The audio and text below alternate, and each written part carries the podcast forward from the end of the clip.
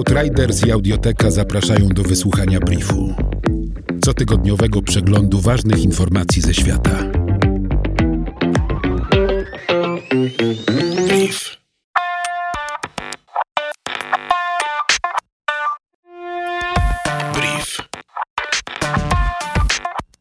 Codzienne spożywanie nabiału zmniejsza prawdopodobieństwo rozwoju nadciśnienia, cukrzycy i związanego z chorobami serca zespołu metabolicznego. Analizę oparto na badaniu 112 922 osób w wieku od 35 do 70 lat z 21 krajów na pięciu kontynentach. Badania trwały 9 lat. Regularne spożywanie nabiału miało wpływ na niższe ciśnienie krwi, wskaźnik masy ciała BMI i poziom trójglicerydów, mniejszy obwód w talii i lepszy stosunek trójglicerydów do tzw. Tak dobrego cholesterolu i do cukru we krwi. Naukowcy zidentyfikowali tzw. Tak gen szczupłości, co może wyjaśnić, dlaczego niektórzy ludzie pozostają szczupli bez podejmowania szczególnych wysiłków w tym kierunku. Gen o nazwie ALK znajduje się w podwzgórzu, części mózgu, która kontroluje apetyt i sposób spalania tłuszczu. Badanie oparto na danych 47 102 mieszkańców Estonii w wieku od 20 do 44 lat. Badacze wyłączyli ten sam gen ALK u much, co spowodowało spadek trójglicerydów w organizmach owadów. Wyłączenie genu ALK u myszy wywołało natomiast spadek masy ciała gryzoni. Gen działa na zasadzie zwiększania wydatku energetycznego organizmu, przekazuje komórkom tłuszczowym informacje, aby spalić więcej tłuszczu, a nie na zasadzie tłumienia apetytu. Zmutowana postać genu ALK ma wpływ na rozwój nowotworów u ludzi. Flora bakteryjna jelit może okazać się kluczem do rozwiązania problemu alergii pokarmowych występujących u człowieka. Badania wskazują na związek między bakteriami jelitowymi a alergiami pokarmowymi.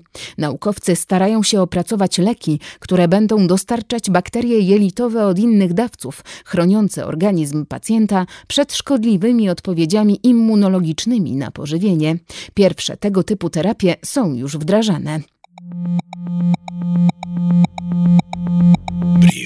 Naukowcy z Hong Kong University of Science and Technology opracowali sztuczne oko, które odwzorowuje naturalne zakrzywienie ludzkiej siatkówki.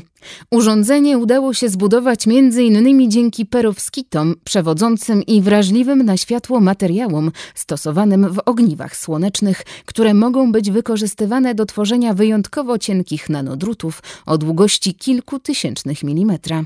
Badacze mają nadzieję, że osiągnięcie to pozwoli na budowę robotów dysponujących lepszym zmysłem wzroku oraz wyższej klasy urządzeń protetycznych, pozwalających m.in. na widzenie w ciemnościach i bez tzw zwanego martwego pola.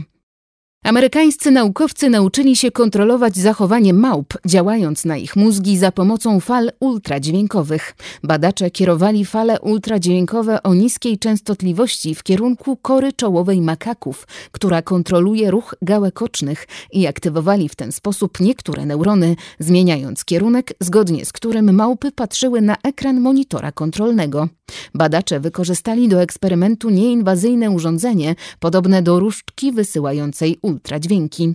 Istnieje możliwość, że taki sposób kontroli mózgu będzie można stosować podczas terapii osób cierpiących na uzależnienia i zaburzenia pracy mózgu. U badanych myszy zlokalizowano obszar mózgu, który wyłącza odczuwanie bólu. Miejsce to znajdujące się w ciele migdałowatym wyłącza, a nie włącza odczuwanie bólu, co było zaskoczeniem dla naukowców.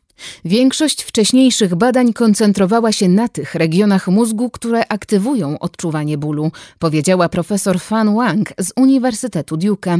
Jest jednak tak wiele regionów przetwarzających odczucie bólu, że trzeba byłoby wyłączyć je wszystkie, aby uśmierzyć ból.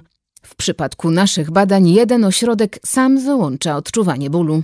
Odkrycie to może pomóc w opracowaniu nowych leków przeciwbólowych. Brief Outriders. Nowe wydanie co piątek do posłuchania na lekton.audio ukośnik brief. brief. Powtórki przez cały kolejny tydzień na Spotify i w Twojej aplikacji podcastowej.